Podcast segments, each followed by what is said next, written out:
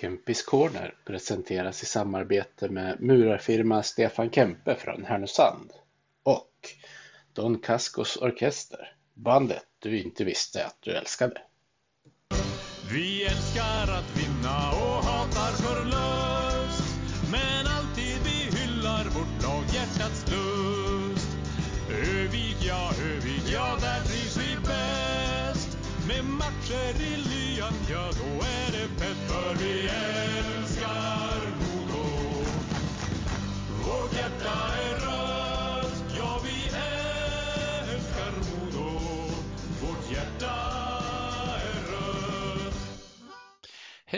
och välkomna ska ni vara till Kempis Corner. Det har blivit det 76 avsnittet och som min gäst den här gången har jag med mig Tobias Åström. Välkommen till podden Tobias. Tack så mycket.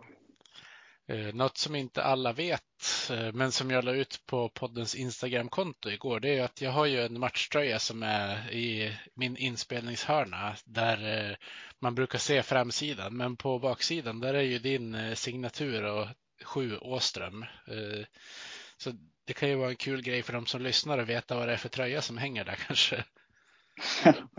Men jag tänkte börja med att ta tillbaka ända till eh, när du var liten. Minns du hur gammal du var när du började åka skridskor och var du var någonstans? Ja, den frågan har man ju fått faktiskt många gånger, men jag har faktiskt ingen aning. Men jag antar ju att det var i Bjästahallen. Det är väl där man har spenderat sin tid mest när man var liten. Mm. Eh, hängde du med brorsan eh, när han spelade hockey?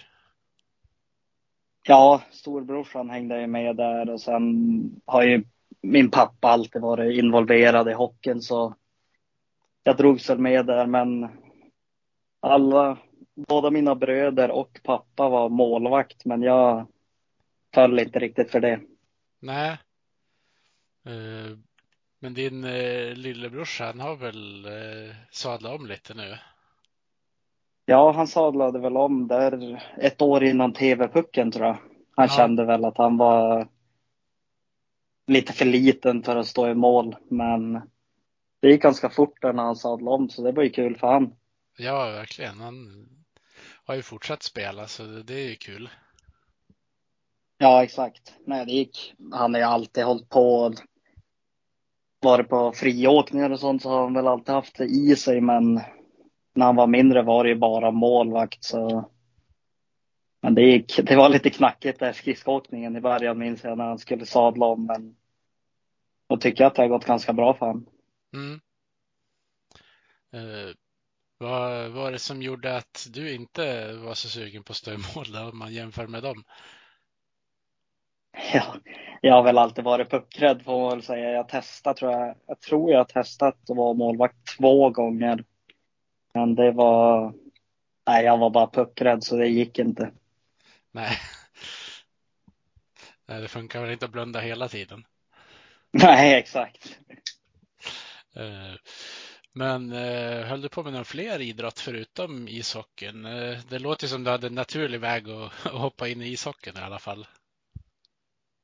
Ja, jag spelade bara fotboll faktiskt utöver det. Jag vet mina bröder spelade innebandy och sånt också, men jag spelade i fotboll fram tills jag var 12 år tror jag. Och då började vi med då gick jag till Modo där och då blev det lite mer seriöst så då hade jag inte riktigt tid för att spela fotboll på sommaren. Men annars var eh, det KB65 i fotbollen misstänker jag. Nej, det var det faktiskt inte. Jag spelade i Nätra GIF. Ja, just det. Det var, KB var rivalerna då i fotboll. Ja. Så du, eh, du tillhörde två rivaliserande föreningar egentligen på ett sätt. Ja, exakt. Men eh, jag vet faktiskt, jag tror också det föll sig naturligt för både brorsan och pappa spelade, eller pappa var tränare i Nätra så det blev, det blev Nätra. Ja. Ja, då, då har man väl ändå vägarna förbi, höll jag på att säga. Ja, exakt. Eh, Men innan du klev över till Modo, hur många eh, föreningar var det som hade lag i eran årskull? Oj. I närområdet, alltså i hockeyn. Ja, vad var det? Det var väl Svedjeholmen, ÖSK, Järved, Modo, KB tror jag. Mm. Eh, beroende på vem man frågar såklart så är det väl olika vilket lag som var bäst i den åldern. Men eh, jag har ju fått hört Svedjeholmen några gånger. Har det varit tuffa möten mot dem? Ja, det vet jag faktiskt inte. Det där. Vi var ju bättre än dem om man får säga så. Det, jag skulle säga att det var vi och AIK Härnösand var riktigt bra när man var liten. Så det stod väl mellan oss två skulle jag säga. Jajamän. I Ångermanland då. Uh, sen uh, du, spelade du forward uh, även från unga år eller fick du prova lite olika positioner? Nej, jag var nog gjuten på forwarden för jag gillade inte att åka skridskor så jag sköt bara. Mm. Du kanske utvecklade skottet istället? Då? Ja, exakt. Det var väl samma i fotbollen. Jag, jag var bara forward. Jag sprang inte så mycket. Nej. Jag var lite lat. Du sprang rätt istället? Ja, exakt. Mm. Eh, när blev det aktuellt att du skulle gå till Modo? Var det att, ni skulle, att det skulle göras någon satsning eller hur kom det sig? Ja, exakt. Det var ju det med, jag tror, jag tror de har tagit bort det där nu, men det var stadslag. Så de, det blev ju som en uttagning, vilket jag tycker är lite konstigt kanske i den åldern. Men jag gick till Modo med eh, eh, 98 då, ett år äldre kom jag med i deras stadslag. Så jag, det var U14 för dem. Så jag var ju U13-spelare. Och det kände väl jag lite tidigt att börja nu i efterhand. Då tyckte man ju att det var jättekul men nu i efterhand känner man ju att det kanske var lite tidigt att börja forsla bort spelare liksom. För många slutade ju i för att man inte kom med i det där stadslaget. Det är ju likadant med TV-pucken. Men jag tror de har tagit bort den där stadslagsgrejen nu. Ja, det är väl lätt hänt att de som, eh, om, om du säger, som du säger att man är runt 13-14, för då har ju inte alla växt klart än heller. Nej, exakt, så det blev ju, det blev mycket snack och det är ju att man har den föräldern hit och dit och det blev ju, sen blev det ju bra för oss som gick dit eftersom det blev ju en helt annan grej.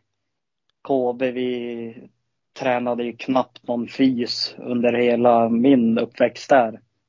Det var ju bara på is, men när man gick till Modo då var det fem gånger i veckan hela sommaren.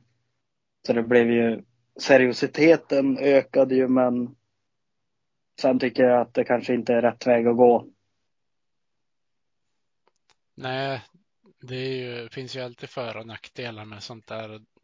Fördelarna tillhör väl oftast de som har kommit med där. Ja, exakt. Sen TV-pucken går ju knappt att göra någonting åt eftersom det har funnits så länge. Men det där med stadslag vet jag att det var jäkligt mycket snack eftersom man är ju bara jag tror jag var 12 när jag gick dit. Mm. Men de andra var 13 så det är ju, man är ju väldigt ung. Ja. Nu är det väl, ska det väl inte ens toppas eh, vanliga lag i den åldern så det är ju det är, väl, det är väl svart och vitt. Det kan väl vara lite, ja. Det... Ja, för min del, för min del var det ju bra träningsmässigt men Sen tycker man ju att det kan vara så klubbarna får sköta sitt egna och att det kanske blir lite seriösare i klubbarna, småklubbarna istället. Så får man hålla på med sporten längre och tävla mot varann längre också. Ja, det kanske gynnar mer på sikt att man kan göra så. Kanske att de gör någon form av gemensam träningslägersupplägg eh, eller något sånt istället. Ja, exakt. För jag vet också min lillebrorsa när han, när det var deras tur med stadslag så vägrade ju de i hans lag komma dit. Så de körde ju på med sitt KB fortfarande upp till U16.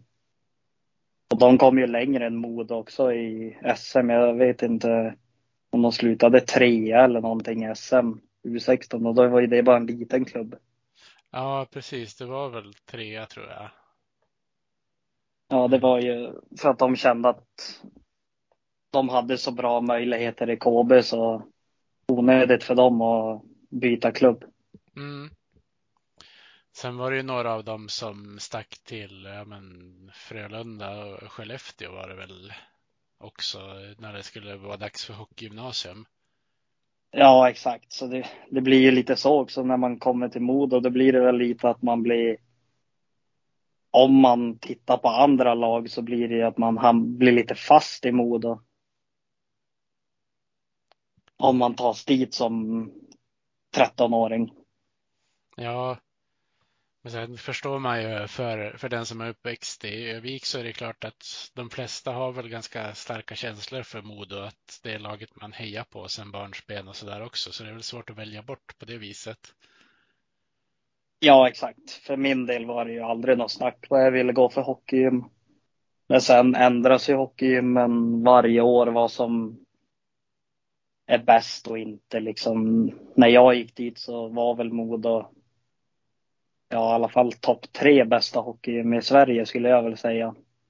Och när vi var där också var ju det liksom, vi var ju topp varje år så det för min del var ju också Modo det bästa alternativet.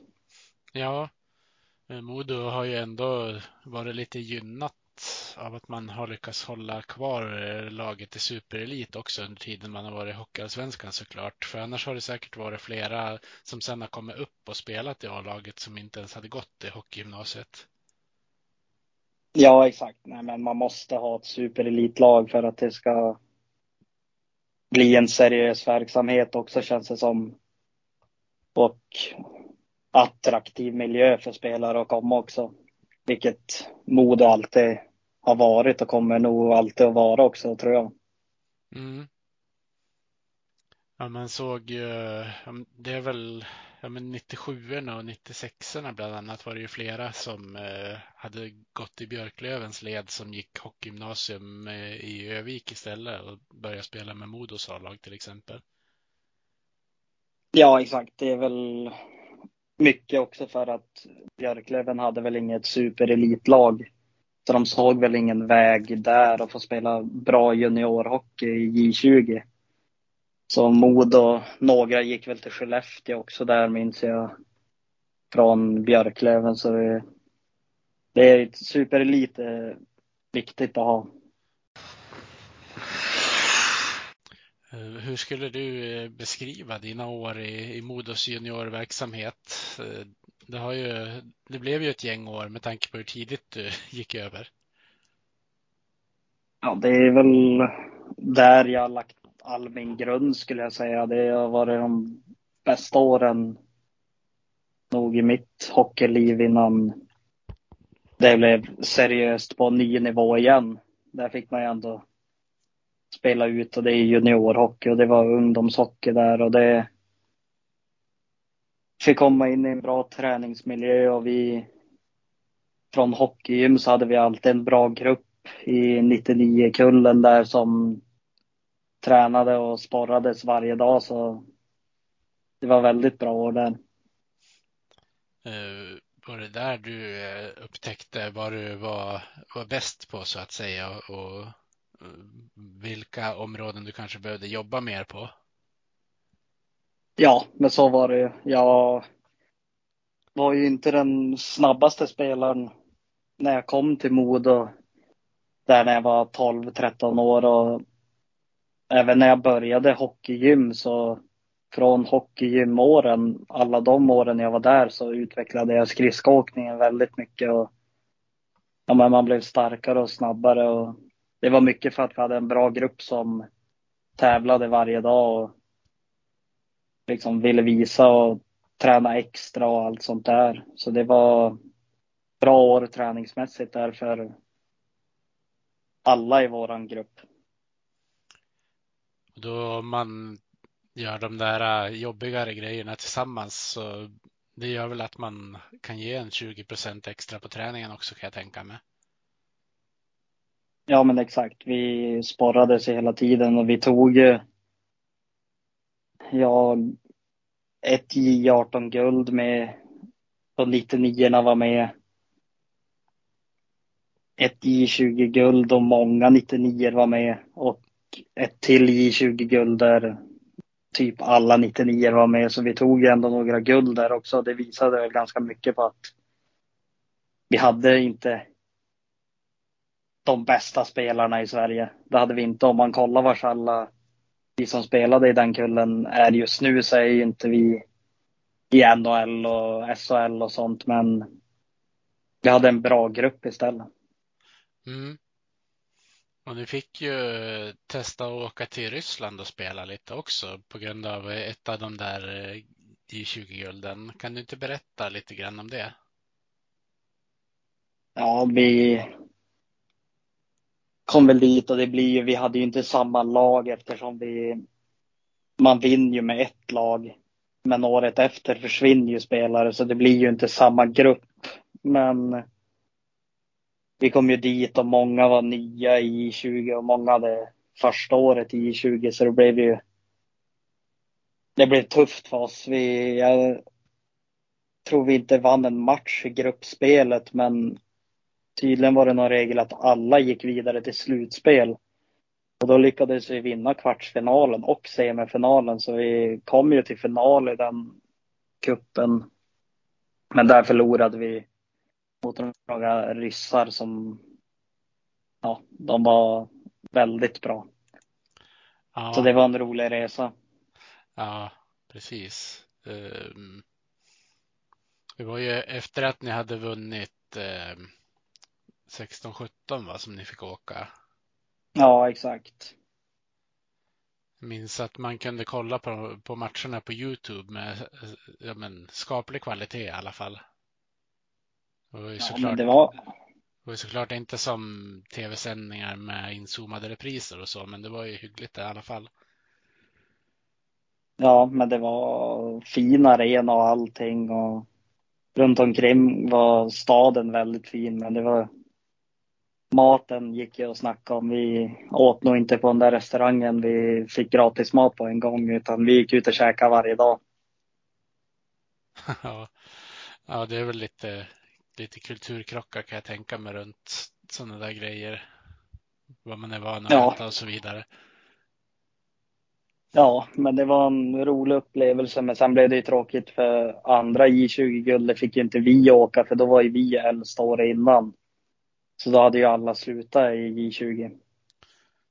Ja. Då blev, då blev det de yngre som fick åka. Det blev inte samma grej för dem heller eftersom det är inte samma lag som vann guldet. Nej, det, det var ju splittat på så många årskullar det här första J20-guldet ni, ni vann. Då, ni var ja. ju många som, som vann dubbla guld det året. Ja, så vi spelade ju först i 18 finalen och sen bara några timmar senare skulle vi spela J20 semifinalen så vi fick ju inte fira någonting det guldet utan det var bara försöka vinna nästa och vi var rätt många som var med dubbla det året. Vilka var det ni mötte i final det året? I J20? Ja. Eh, var det då... Växjö. Ja, det var det jag funderade Växjö på. Det var, var Växjö och gick till straffar eller? Ja, jag tror första var mot HV och då gick det också till straffar tror jag. Eller förlängning eller någonting. Mm. Jag minns att det var, det var någon någon av de här SM-gulden som, eh, som gick till straffar. Jag hade för mig att Isak Wallin stod och det måste ha varit det året. Det. För han var väl Ja, för gammal när ni spelade andra gången. Ja, exakt. Det var Isak som stod Om vi tänker tillbaka på alla de där tre gulden. Om, om du ska försöka ställa dem mot varann och eh, försöka se vilket som du tyckte var, ja, men var, var roligast eller betydde mest. Vilket skulle du välja då? Då skulle jag nog ta sista J20-guldet för då hade vi varit en grupp i 99 på många år och det var liksom det sista vi skulle göra tillsammans.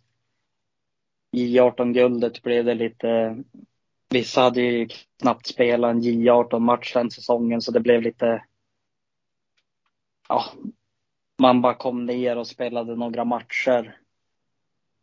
Och J20, det första J20-guldet så hade inte alla så stora roller och eftersom vi tog ner spelare från A-laget så var man inte lika stor del av det om man säger så. Men sista året så man hade alla 99 stora roller för att vi skulle vinna det där guldet och det var roligt att få göra en sista grej tillsammans innan man visste att alla skulle splittras. Mm. Så var ni ju, ni var ju, ja men, många 99 men några som eh, är född 2000 som också hade lite framträdande roller det året. Ja, men absolut. Men det blev ju mer att eftersom vi hade varit 99 tillsammans, jag tror det var fyra år där vi hade varit tillsammans. Eftersom det var sista året vi fick spela i 20 så blev det ju lite extra att få göra det med den gruppen. Sen var det ju några 00 och någon 01 också som var med, men det var väl mest speciellt att få göra det med just gruppen man hade gått i skola med och hållit ihop i fyra år med. Ja, det förstår jag. Måste vara en jäkligt häftig känsla när man får fira tillsammans då. Ja, exakt. För nu blir det ju, nu är det inte många man spelar med fyra år på raken när man blir senior, så det blir det var ju lite extra där att få gå i skola och träffas varje dag med sin egen årskull. Mm. Uh, och hur mycket tid hade du egentligen över till skolan med tanke på att flera av de där åren så dubblade du ju J18 och J20? Ja, alltså för mig har skolan alltid funkat bra. Men sen lägger man väl upp det så. Men det är inte direkt som man gick ut med något A-betyg, men skolan funkade bra för mig alla åren, så det var aldrig några problem för mig. Nej, det är väl ändå viktigast. Du fick ju testa på att spela juniorlandslagshockey också, U17. Hur, eh, hur kände du då när du blev kallad dit första gången? Ja, det var väl en rolig upplevelse att få åka till USA och spela där och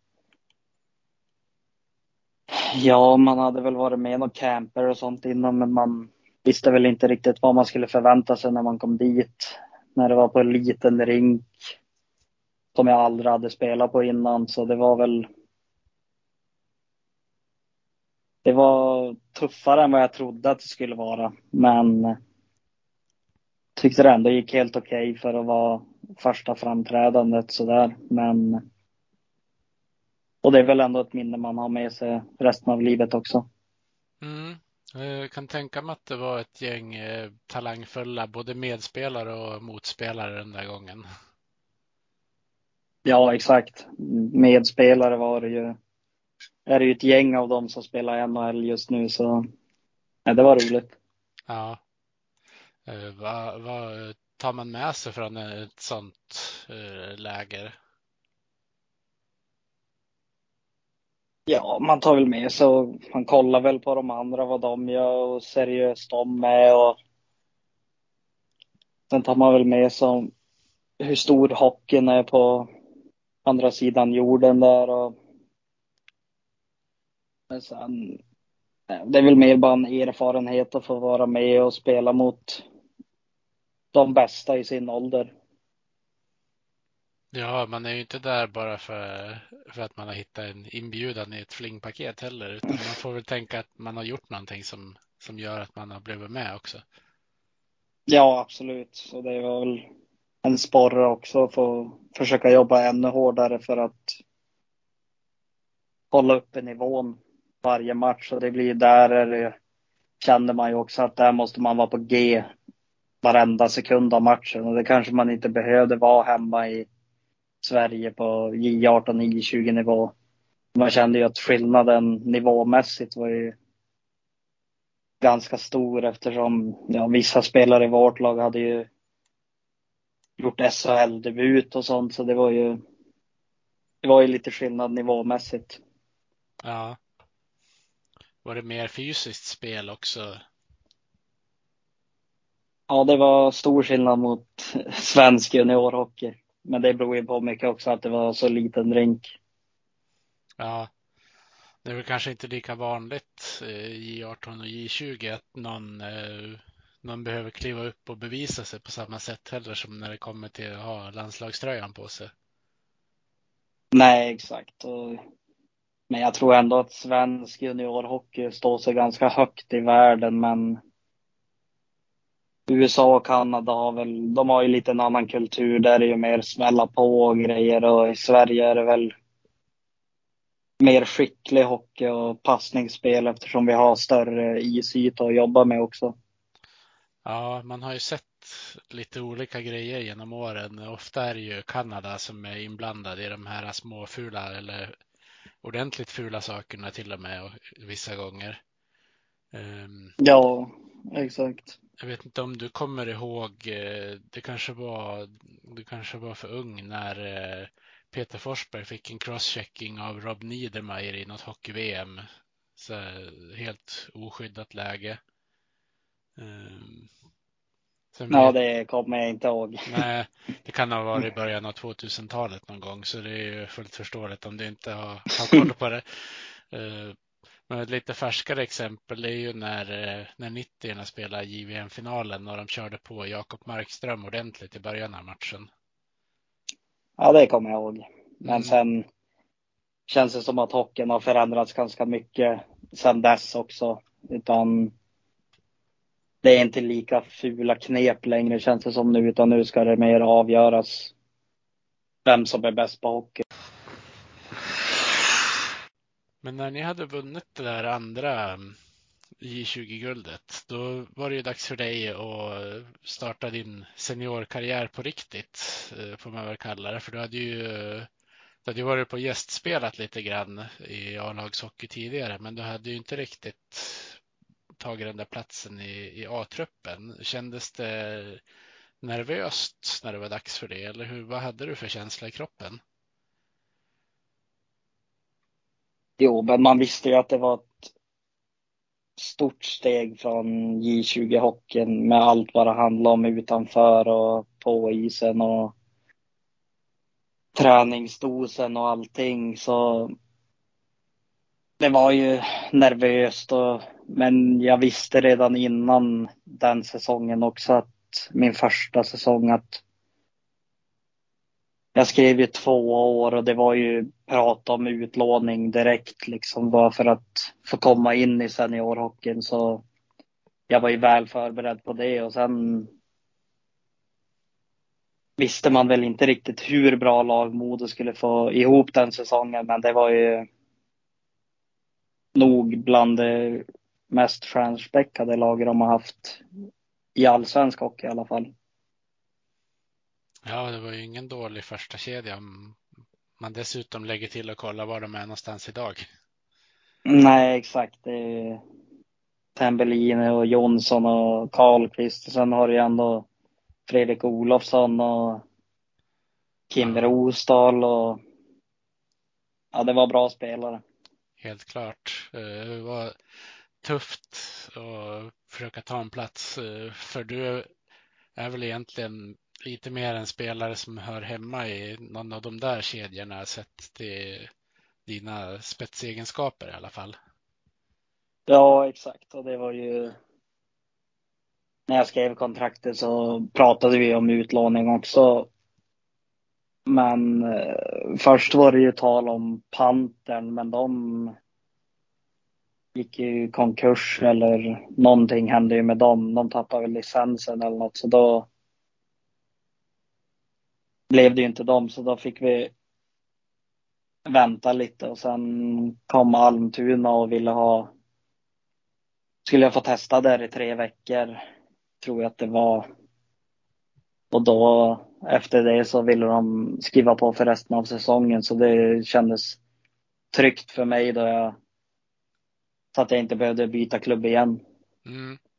Almtuna som ju fick eh, Panterns plats när de försvann kan vi ju tillägga. Ja, ja exakt. Eh, då fick du ju dessutom chansen att spela med en eh, institution i svensk ishockey, Tony Mårtensson. Ja, exakt. Försökte han att, att lära dig saker då eller spelade ni liksom bara som lagkamrater? Nej, utan det var bara som vilken lagkamrat som helst.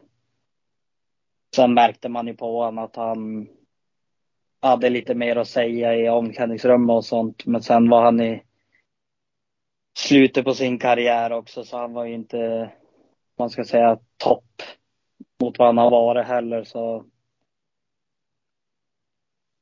Men han, man märkte att han spelade mycket med huvudet. Han hade inte riktigt samma fysik som han hade haft sina år när han var som bäst. Nej, men en spelare som är så spelintelligent kanske inte behöver ha de grejerna på samma sätt i slutet heller jämfört med en som mest har spelat på styrka. Nej, exakt. Han, han spelade bara med sitt huvud och han hade ju kvar sitt passningsspel och allt sånt, men energimässigt kanske han inte var redo om man säger så. Mm. Eh, hur var det för dig att, komma till Almtuna och få chansen att, spela ja, men, eh, en, en sån roll som du helst ville spela i? Jag tror att det var perfekt för mig att få komma dit eftersom jag fick komma till en klubb som Ja, de var lite stukade där i, jag kom efter tio matcher tror jag.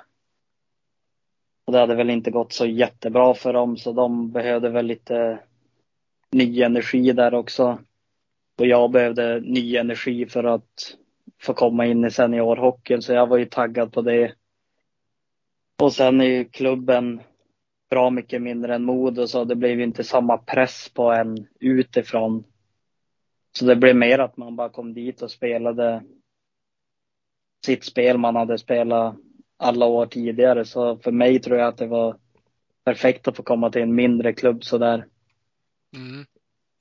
Eh, vad förväntade de sig av dig? Jag tänker på eh, Björn Hellqvist eh, jämförde ju dig med Niklas Sundström lite grann säsongen innan eh, utan att du kanske hade haft chansen att spela A-lagshockey. Det måste ju ha varit en, en lite både pressande och kul grej att höra kan jag tänka mig. Ja, men ja, jag vet inte. Det var ju från J20 hockeyn då, men Nej, men Almtuna förväntade väl sig inte så mycket utan det var ju först en tre veckors period jag skulle vara där och få visa upp mig och eftersom jag inte hade visat någonting i A-lagshockeyn innan förutom några strömatcher året innan och så de förväntade sig inte jättemycket utan det var ju en billig lösning för dem och en bra lösning både för mig och Modo. Mm. Ja, du var ju en av, eh, en av de ledande spelarna under tiden du var där också. Det måste ju ha varit skönt att det föll på plats på det viset. Ja, men det tyckte jag. Jag tyckte väl ändå att jag kände att jag hade det offensiva spelet i mig i allsvenskan när jag fick chansen i powerplay och sånt. Men sen tyckte jag väl inte att om man kollar på hela säsongen så tyckte jag väl inte att jag höll en tillräckligt jämn nivå under hela säsongen. Men offensivt så tyckte jag ändå att det gick bra stora delar av säsongen. Mm. Men det är väl svårt att ha den där jämnheten också sin första riktiga seniorsäsong kan jag tänka mig. Ja, men så är det. Man är ju lite ovan och det är lite skillnad på motståndet varje match eftersom dels var ju vi ett nedre halvan lag och det blir lite skillnad att möta topplagen då som har riktigt bra lag. J20 var det väl varje år nästan vi som var det bättre lagen än de andra och då blir det lite lättare att spela också. Var det stor skillnad på eh, matchandet om man tänker dagar och, och så här också? Nej, det skulle jag väl inte säga. Men skulle inte säga heller att det var så stor skillnad på träningsmässigt. Jag skulle nästan säga att man tränade nästan mer när man var i 20. Eftersom då hade man hockeygym och det kunde vara tre matcher den veckan. Och... Men det blev väl mer detaljmässigt och mer att man ska prestera på topp varje match. I 20 var det nästan viktigare att träna än att spela matcher. Ja, det är väl lite mer utvecklingsfokus, eh, även om såklart resultatet är viktigt också. Men det kanske inte är det primära på samma sätt i 20. Nej, exakt, utan där var det ju mer att utveckla individerna och sen i slutändan så vill man ju vinna guld och då kände man väl mer att matcherna var betydelsefulla men under själva serielunken så var det väl hålla sig på en slutspelsplats så var det lugnt. Mm. Sen säsongen 2021, då kom du tillbaka och spelade i Modo i ett, eh, ja, men man får väl säga hyfsat svängigt år. Ja, det, jag kommer inte riktigt ihåg. Vi hade väl ändå tre olika huvudtränare det året. Så det var, och spelare kom ju titt som tätt också, så det var väldigt svängigt.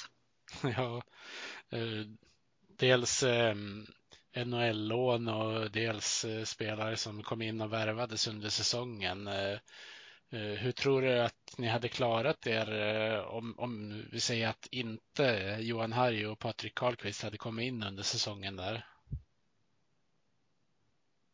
Ja, de var ju väldigt betydelsefulla för oss där och det var ju blev lite svängigt där när vi skulle byta tränare och vi skulle byta spelare hela tiden. Man fick inte den där tryggheten i gruppen tror jag.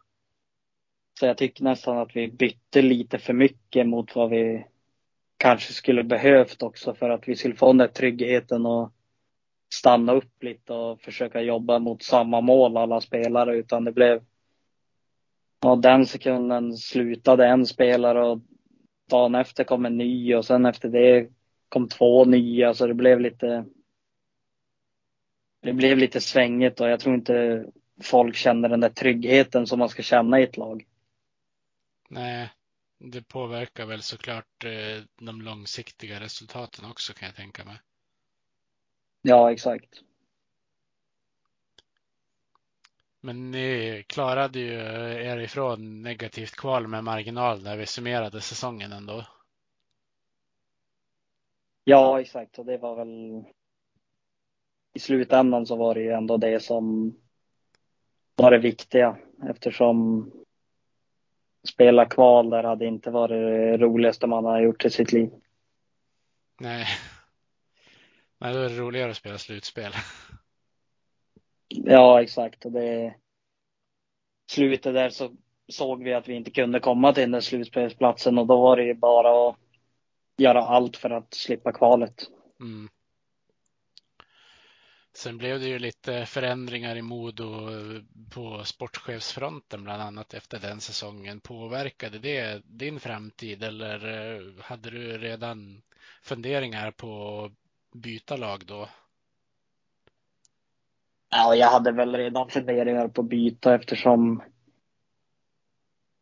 just säsongen i Modo tyckte jag att jag startade bra där, men sen blev jag skadad efter, tror jag det spelade runt 20, 24 matcher. Och då hade vi ändå haft två olika tränare där och sen när jag kom tillbaks efter skadan så kom en ny tränare. Och då kom jag aldrig in i det igen utan det blev lite att han spelade med det laget som var på pappret när han kom så jag blev lite hamnade lite snett där när han kom in. Eh, då var det Magnus Sundqvist antar jag, för han var ju tredje tränaren den säsongen. Ja, exakt. Han kom ju där precis när jag skulle komma tillbaks efter skadan så. Ja, men han fick jag inte med Nieminen och Styv så kände jag ändå förtroendet och kände att jag hade utvecklats mycket från mitt år i Almtuna och offensivt så hade jag inte fått ut den säsongen men jag tyckte ändå att jag spelade ett bra spel över hela banan om man jämför med året innan i Almtuna. Mm. Och sen hade väl eh, Per Styf lite bättre koll på er som kom nerifrån kan jag tänka mig eftersom han ändå hade haft en del med juniorverksamheten att göra tidigare. Ja, exakt. Jag hade väl Styf. Jag tror jag hade han någon säsong hela säsongen. Annars hade jag haft han och strömatcher och grejer också innan i juniorerna. Mm. Uh, hur gick det till när du landade i just Västervik sen då? Ja, det blev väldigt sent där. Jag skrev nog bara på en vecka innan jag flyttade. Men jag hade väl lite andra alternativ innan, men faktiskt så ville jag utomlands då, men jag hittade ingenting riktigt som jag fastnade för. Och då drog det ut på tiden så jäkla mycket så Västervik kom väl där nästan räddaren i nöden för mig eftersom allting blev så sent ute. Ja, eh, sen hade ju Västervik bra erfarenheter av Modospelare sen tidigare för det har ju varit ganska många som har landat där som någon mellansteg eller eh, vad man ska kalla det. Ja, exakt. Och sen var tränaren jag hade i Almtuna hade precis gått dit också så det var lite enklare för mig då också att komma dit. Ja, det var som någon pusselbit som ändå föll på plats till slut. Då. Ja, exakt. Uh, hur, uh, hur tyckte du att det var när du spelade där nere? Västervik, eh, det är väl inte direkt nu var, var det ju för sig i Almtuna tidigare också, men det är inte direkt samma faciliteter som i Modo. Nej, det är det ju inte, utan det var lite som att nästan gå tillbaks till KB-tiden. Hur familjärt det är liksom i klubben och det är eftersom det är så liten klubb och många jobbar ideellt och allt sånt där så men jag tyckte att jag trivdes faktiskt väldigt bra i Västervik utanför planen. Sen tyckte jag att jag startade bra även i Västervik, men det kom mycket spelare och mycket import importer som skulle få speltid där, så jag hamnade väl lite snett mot vad jag ville ha för roll och då innan deadline där i februari så kände jag att jag ville testa något nytt. Mm. Ja, sen är ju, brukar ju inte Västervik vara främmande för att sälja iväg spelare i slutet av säsongen heller. Nej, exakt. Men eh, just det året så sålde de nog bara en spelare import. Och det var Miles Powell? Ja, exakt. Jag tror att det bara var han som såldes. Ja, så kan det säkert vara. Eh, men då blev det ju Slovakien och eh, nu vet jag inte om jag uttalar det rätt, men eh, Spiska Novaves för dig. Ja, det är väl så jag uttalar också. Jag vet inte heller. Hur var det att komma till Slovakien då? Ja, det var väl väldigt annorlunda skulle jag säga. Eh, men sen är det lite svårt att komma in i en grupp direkt också. Dels var första utlandsäventyret för mig och det är engelska med alla eftersom det fanns ingen som jag kunde ändå ha lite trygghet att prata svenska med. Men ja, det var ju egentligen bara pang på direkt och spela matcher och det. Men sen blev jag skadad. Jag tror det var i min andra match jag spelade där.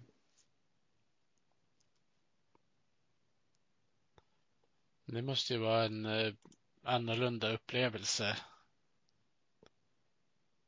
Tänker med att komma till ett helt annat land och inte kunna, inte kunna spela eller bevisa sig eller någonting. Ja, men det var ju det som kanske var lite problem att jag blev skadad andra matchen där och fick eh, var AC-leden och fick ju åka och ranka och grejer och läkaren sa att jag skulle vara borta tre veckor men jag fick inte mer än tre dagar vila. Mm. Så det var bara att fortsätta spela med det där och det var nog inte jättebra. Nej. För mig den. Det var inte riktigt så att jag kunde spela ut från andra matchen jag var där eftersom jag hade den där AC-leden. Jag kunde knappt lyfta klubban men det var bara att tvingas att spela när jag var där. Ja. Det måste vara det... en liten kulturkrock. Att... Ja, men det var väl att de hade köpt mig och grejer och det var så kort tid kvar av säsongen så de sket väl i riktigt vad jag hur jag kände mig. Men jag fick ju köra rehab hela sommaren efter och hade väl fortfarande nästan ont säsongen som gick nu, men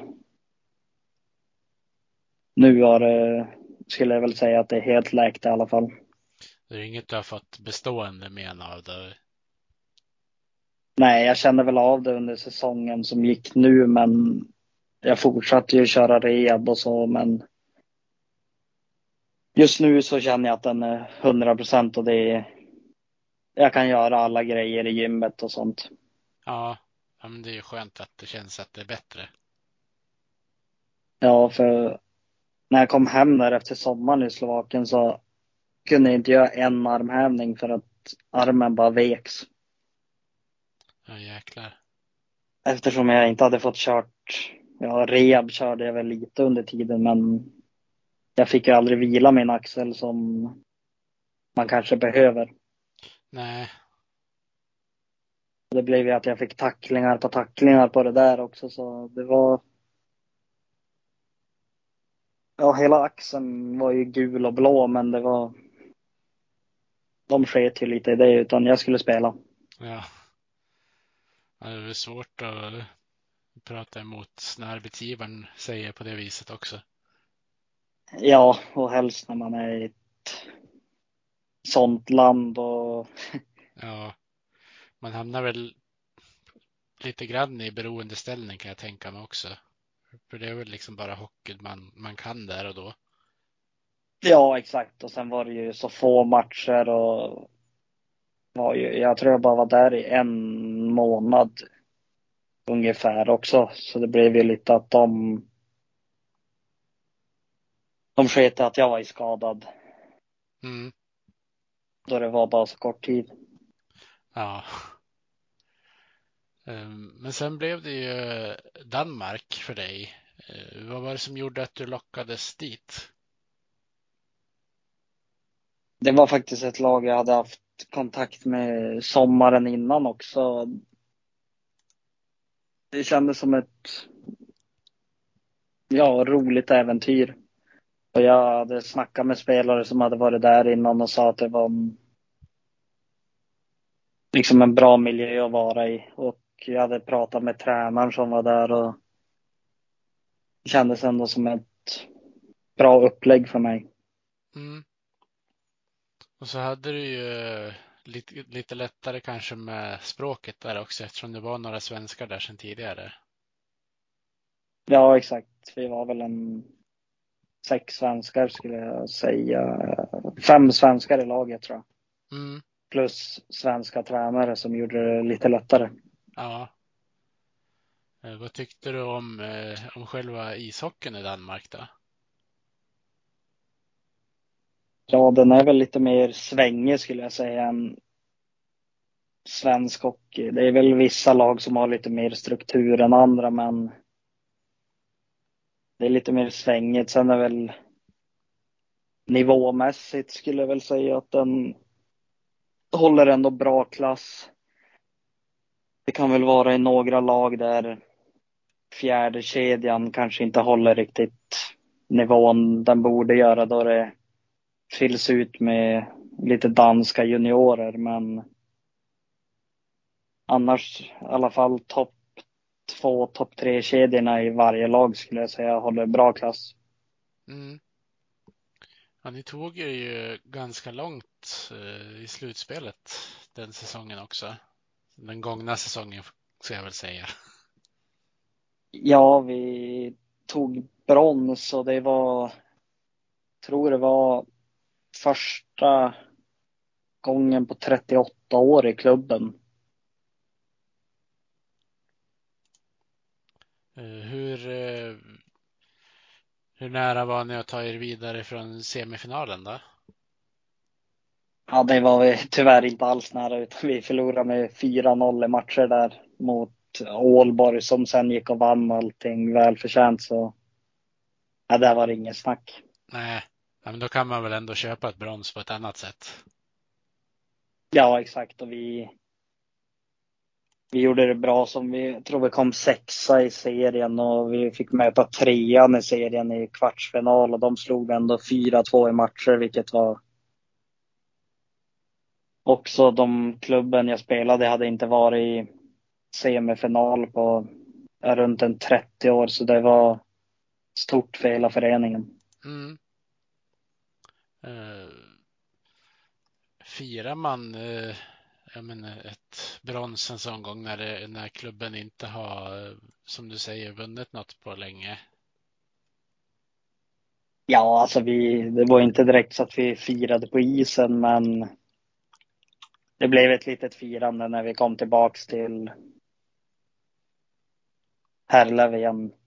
Mm. Med fans och alla runt om klubben som jobbar där. Ja. Och det finns ju ett par spelare med Modokoppling som har varit i Herlev genom åren. Bland annat Kim Ståhl och Conny Strömberg har ju varit där. Ja, exakt. Nej, jag snackade lite med Conny också under sommaren där innan jag gick dit så han hade bara gott att säga om det och sen hade vi Kim Ståhl. Han hade. Han var faktiskt tränare för oss en gång i veckan under säsongen också lite. Lite mer individuell träning hade vi med han så han träffade jag på där också. Ja. Eh, men han var väl i Modo lite för tidigt för att du ska ha någon koll på hur han var som spelare där. Ja, exakt. Nej, jag kommer inte ihåg han så, men han sa till mig att han brukade vara i Övik någon gång per sommar, så han verkade ändå tycka om sin tid i Modo. Mm. Det är kul. Eh. För han var ju bara eh, ett par säsonger i Modo. Han var ju desto fler i andra klubbar runt om i Sverige.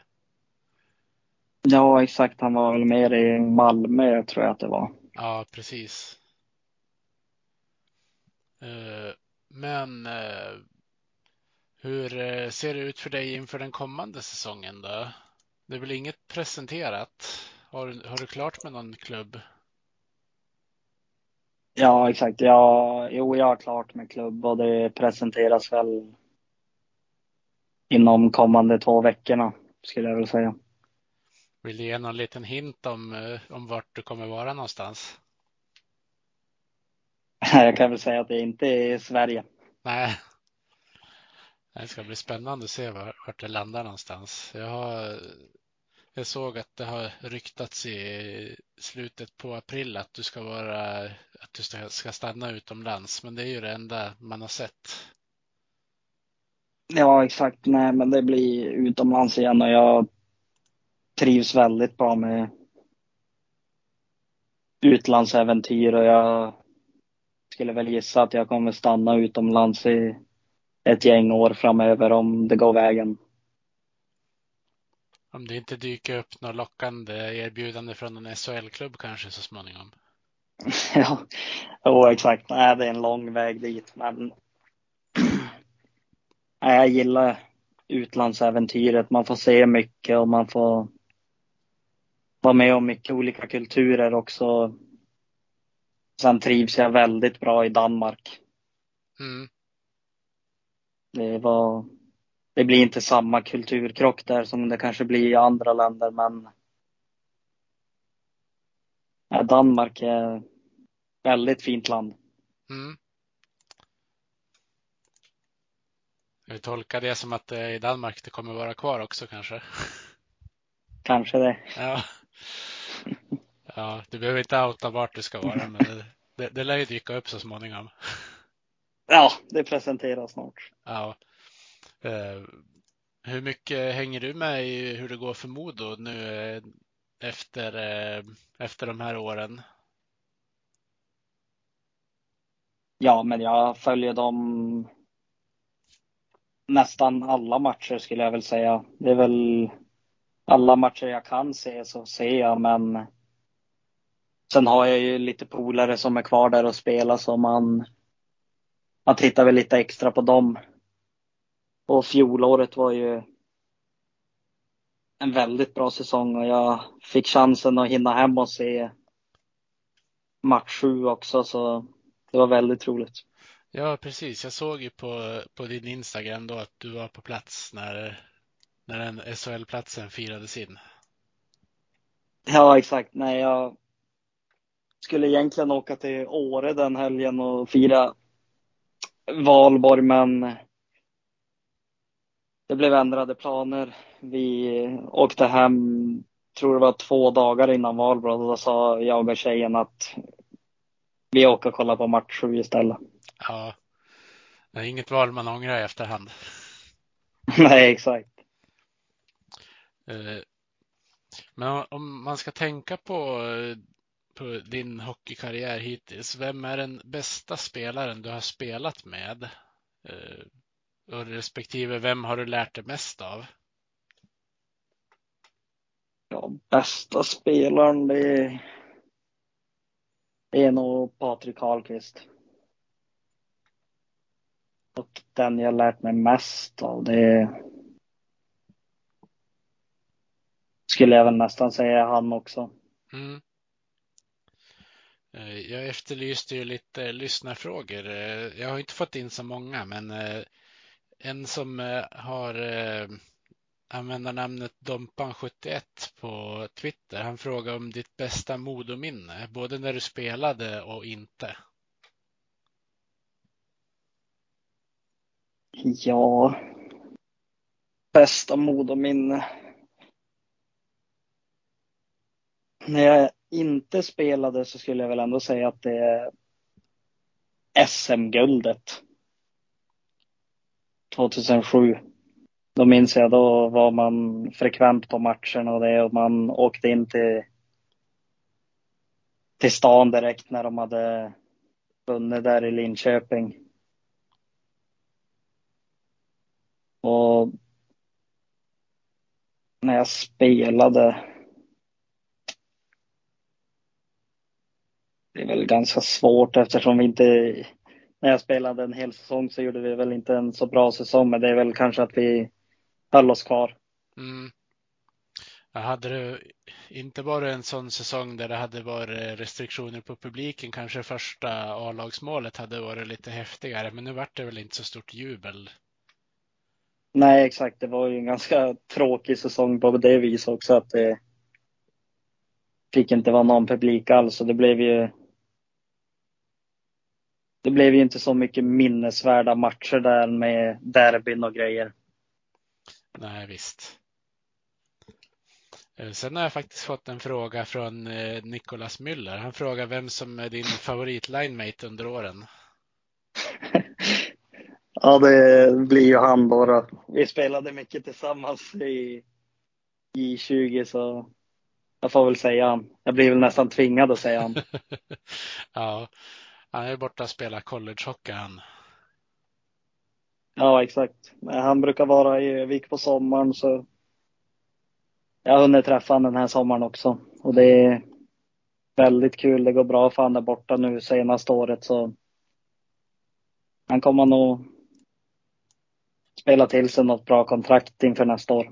Ja, det är kul. Eh, jag visste inte att han, eh, att han höll koll på, på den här podden, men jag visste att han håller koll på Modo. Ja, han är ju jag tror han har mycket att tacka Modo-tiden också. Det var nog hans bästa minnen i livet kommer nog därifrån också eftersom han fick komma till en proffsigare klubb och utvecklas som både människa och spelare. Han växte nog otroligt mycket när han kom till Modo. Han som inte kunde språket någonting fick ju komma till Sverige och lära sig svenska. Och han har nog mycket att tacka Modo för. Ja, han fick väl till och med vara lagkapten när ni gick och vann i 20-guldet. Ja, exakt. Otrolig person och en otrolig hockeyspelare också. Det är nog bland den smartaste spelaren jag spelat. Ja, det ska bli väldigt intressant att se vart han tar vägen när college-tiden är över. Ja, jag skulle inte förvåna mig om han får något där borta i Nordamerika. Annars får du väl värva med han till Danmark höll jag på att säga. Ja du, han får nog tillräckligt bra kontrakt i högsta ligan i Schweiz också om han vill. Ja.